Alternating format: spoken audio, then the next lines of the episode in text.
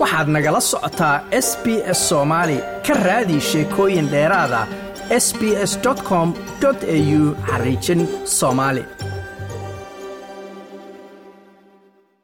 waxaa weli deegaano badan oo ka tirsan gobollada hiiraan iyo galgaduud ka socda dhaqdhaqaaq iyo howlgallo ka dhan ah al-shabaab oo ay wadaan ciidamada dowladda oo garab ka helaya maleeshiyada deegaanka waxaana saacadihii ugu dambeeyey ciidamada dowladdu ay la wareegeen gacankuhaynta deegaano dhowra oo ay ka mid tahay buqa qable oo ka tirsan gobolka hiiraan iyo deegaano ka tirsan gobolka galgaduud halkaasoo in ka badan toban sano ay maamulayeen xarakada shabaab dhanka gobolka baay deegaana u dhow degmada baydhabo oo fadhiisan kumeel gaar u ah maamulka koonfur galbeed. Ayay ciidanka maamulka koonfur galbeed iyo kuwa dowladdu ay kala wareegeen al-shabaab iyadoo halkaasi uu ka dhacay dagaal sababay dhimasho iyo dhaawacyo soo kala gaaray labada dhinac dagaaladan iyo howlgalladan ayaa waxaa ka soo muuqday oo horkacaya wasiiro iyo xildhibaano ka tirsan dowladda dhexe iyo maamul goboleedyada dalka kuwa oo u muuqda kuwa dhiirigelinaya shacabka deegaanada ay ka soo jeedaan. Wasiirka gaashaandhigga cabdulqaadir maxamed nuur jaamac iyo taliyaha ciidanka xoogga dalka jenaraal odowa yuusuf raage ayaa gaaray deegaan ka tirsan bariga gobolka galgaduud waxaanay ka hadleen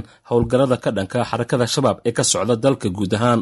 wasiirka gaashaandhigga ayaa ugu horeyntii waxa uu sheegay in kacdoonka shacabka ee socda uu yimid kadib markii sida uu yidhi ay dadka soomaaliyeed u dulqaadan waayeen dhibaatada ba'an ee al-shabaab ay ku haysay taasi oo markii hore ay oggolaadeen inay ku dulnoolaadaan dhankiisii taliyaha ciidanka xoogga dalka soomaaliya jenaraal odowa yuusuf raage ayaa waxa uu sheegay in al-shabaab sannado badan ay dagaal kula jirtay islamarkaana dhowrkii sano ee la soo dhaafay ay gaarsiiyeen khasaare ba'an sida uu yidhi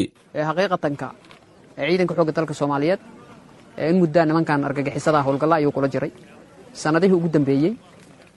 deegaano badan dadku waxaa laga yaabaa inay fiiriyaan ilaa intee la xureeyey laakiin waxaysan weli dadka soomaaliyeed aysan fiirin. Cadowga sannadihii ugu dambeeyey maxaa gaaray? Khasaaraha gaara intay la ekaayeen? Muddo laba sano ilaa saddex sano ahay aan soo dhaafnay al-shabaab. Goob ayan ku dagaalamin ay guul kala noqdeen ma jirto. Waxaa haddana ilaahay mahaddiisa in maanta dadka soomaaliyeed ay garwaaqsadeen oo ay fahmeen wax la sii fiirsan karo inaysan ahayn. Haddii aanay nafu kuu badbaadayn oo aanu maal kuu badbaadayn oo sharaf iyo cisi aanay kuu badbaadayn oo wax kuu dhowrsano aysan jirin maba garan kara wax hadda dadka soomaaliyeed wakhtigan inay ku soo gaarto maba ahaynba laakiin ilaahay baa mahadda iskale dhammaan bulshada soomaaliyeed iyo maamullada dowlad goboleedyada runtii in ay maantay dabcan bulshadii iyo qarankii dowladdii dhexeba dhammaan in bulshadiiyo aan kala harin. Dhinac kastay tahay ay ka go'an tahay inay nimankan la dagaalamaan. Dabcan ciidanka xogga dalka soomaaliyeed wuxuu sii wadi doonyaa dardargelinta iyo xoojinta howlgalladaas. Waxaan allah subxaana wa tacaala naxariistiisii janno uga baryayaa guud ahaan saraakiisha iyo saraakiil xigeennada alifleyda ee dableyda runtii ku shahiiday howlgallada kala duwanaaye ee dalka ka socday inta ay ku jireen. Inta ku dhaawacantayna waxaan leenahay ilahay caafimaad ha siiyo meeshaan dabcan hadal badan uma baahno. Jasti keliya waxaan ku soo koobayaa dhammaan in allaale iyo inta ka qayb qaadato. Qof walba kaalinta ay ku laheeday deegaankan inaan hadda maanta isugu nimaado. Aad iyo aad ayay ugu mahadsan yihiin. Odawaa yuusuf raage taliyaha ciidanka xoogga dalka ayaa waxa uu dhanka kale shacabka iyo sidoo kale maamulada kale ee dalka ugu baaqay inay qaadaan tallaabo la mid ah midda lagu xuraynayo deegaanada ay ku sugan yihiin xarakada shabaab. Waxaan dhihi karaa runtii guul la gaaray tan uguma horrayso tanna uguma dambay doonto iidanka ilaahay. Waxaan rabnaa in ay hore u sii socoto la dagaalanka iyo dabargoynta nimanka argagixisada ah. Halkan ciidan badanaa fadhiya. Waxaa iidan runtii xusid mudan. Waxaa halkaa nala jooga magaalada muqdisho ciidan ka soo baxay oo hadda inta noogu yimid ayaguna. Saraakiil iyo saraakiil xigeenno aad u qiimo badan. Oo magaalada muqdisho ayaguna ka soo kaxeeyey gaadiid iyo qalab ay ciidankaanu lahaayeen. Oo dhulka si nabada ku soo maray kaliya intaas ma ahane waxaan rajaynaynaa insha allahu tacaala iyadoo dhammaan waddooyinka ay furmaan oo dadka soomaaliyeed si nabada oo aanay cidna uga baqayn oo qashqashaad la'aana oo cabsi la'aana oo walwal la'aana ay waddooyinka isku mari doonaan haddii ilah yihahdo waddadaan hadda weyne isku xirtaa meesha la yidhahdo caasimadda galmudug dhuusamareeb iyo magaalada beledweyne waxaan ognahay bil ka hor sida ay aheeda iyo maanta sida ay tahay. Ciidanka ilaahay waxaan rajaynaa nafiskaas iyo iyo muxuu ahay ii sheeg naruuradaas in ay gaarto dhammaan bulshada soomaaliyeed oo dhan dadka soomaaliyeed. Qof walba gurigeeda inay waargeysato waajibay ku tahay. Nafteeda iyo maalkeeda inay waardiysatana waajibay ku tahay. Marka laga soo tago shaqada guud ee ciidanka u taalla haddana muwaadinku sharafkiisii inuu ilaaliyo oo ka qayb qaata laftarkeeda amnigiisii wax saaran. Waxaan rabnaa marka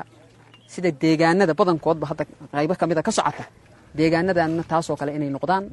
oo abaabulkaas oo kale uu yimaado. Dhanka kale shir ballaaran oo ku aadan xoojinta iyo ilaalinta xuquuqda aadanaha gaar ahaan tacadiyada loo geysto carruurta iyo haweenka ayaa ka furmay magaalada muqdisho shirkan oo ay soo agaasintay wasaaradda haweenka iyo xuquuqul insaanka ee dowladda federaalk ee soomaaliya ayaa waxaa ka soo qaybgalay dhammaanba wasiirada haweenka maamul goboleedyada dalka ururada haweenka ee ka jira caasimadda iyo gobollada dalka waxaana furitaankiisii ka hadlay gudoomiyaha golaha shacabka ee baarlamaanka soomaaliya sheekh aadan maxamed nuur.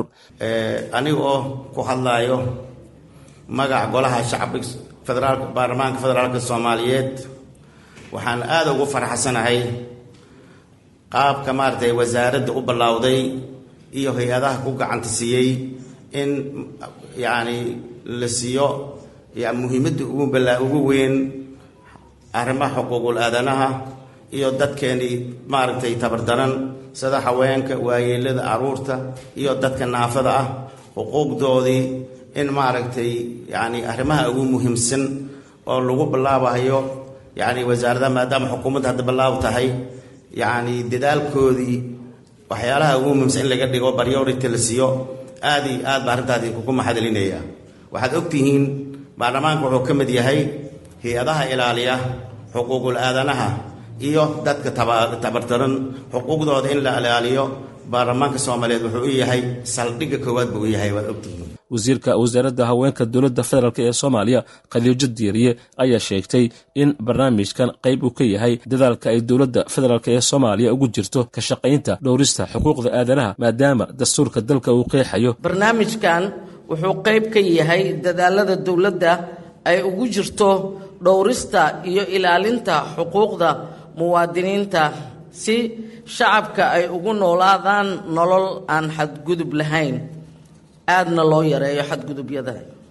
sida aada la socotaan dhammaan iyada oo xuquuqda aadanahaba aan u nahay dad muslim ah iyo dowlad islaam sheegante oo boqolkiiba boqol dadkeedu muslim yahay dastuurkeenna ayaa ay ku qeexan tahay ilaalinta xuquuqda aadanaha. Mudana guddoomiye waxaan maanta rabnaa barnaamijkan aadka u weyn waxa uu ka mid yahay waxyaabaha lagu difaacayo xuquuqda shacabka soomaaliyeed gaar ahaan dadka aadka u jilicsan haweenka carruurta naafada iyo waayeelka kale. Aan marka waxaan rabnaa in la gaarsiiyo dhammaan bulshada soomaaliyeed gobol degmo iyo tuulo. Meel kasta oo qof soomaaliyeed ku nool yahay wasiiradda haweenka maamulka koonfur galbeed oo ka mid ahayd mas'uuliyiintii halkaasi ka hadashay ayaa sheegtay in wejiga koowaad ee shirkan uu ka dhacay xarumaha maamulada dalka gaar ahaan hirshabeelle iyadoona hoosta ka xariiqday muhiimadda uu haweenku u leeyahay barnaamijkan maadaama haweenku ay yihiin kuwa ugu nugul ay ku dhacaan tacadiyada dalka ka dhaca joint programkan ee face twogiisa face oneka ka dhacay maamul goboleedyada dhan oo wadanka ee boqolkiiba toddobaatan maamul dhan ka dhacay laga soo shaqeeyey ka dowlad ahaan maamulka hirshabeelle waxaan ka shaqaynay boqolkiiba toddobaatan oo wacyigelinay degmooyin fara badan ee gaartay programkan ee joint programka human rightska ah. Waxaan mar walba aan wacyigelin ka soo binnay deegaano fara badan oon kala shaqaynay oon ku bogaadinay inaan la shaqayna rayidka ay ugu horeeyaan haweenka haweenkii ayaa mar walba saameyn ku leh in aan xaqooda lagu tunto ama dhibka markii wadanka hadda ka jira waa aragtaan amni darada gaajada abaarta hadda wadanka saameysay waxaa dhibaato weyn mar walba ay dumarka kala kulmaan qaxa kufsiga maxaa la dhihi jiray dadka reemiiga oo guuraaga ah mostly wixii dadkii oo dhibaatadaas ku dhacda waa dumar ee dadka baahida gaarka qaba ee curyaamaha. Marka human rightska waa brogram loo baahan yahay mar walba in lagaga shaqeeya wadanka like aas la wadaag wax ka dheh lana soco barta facebooka ee sb s soomaali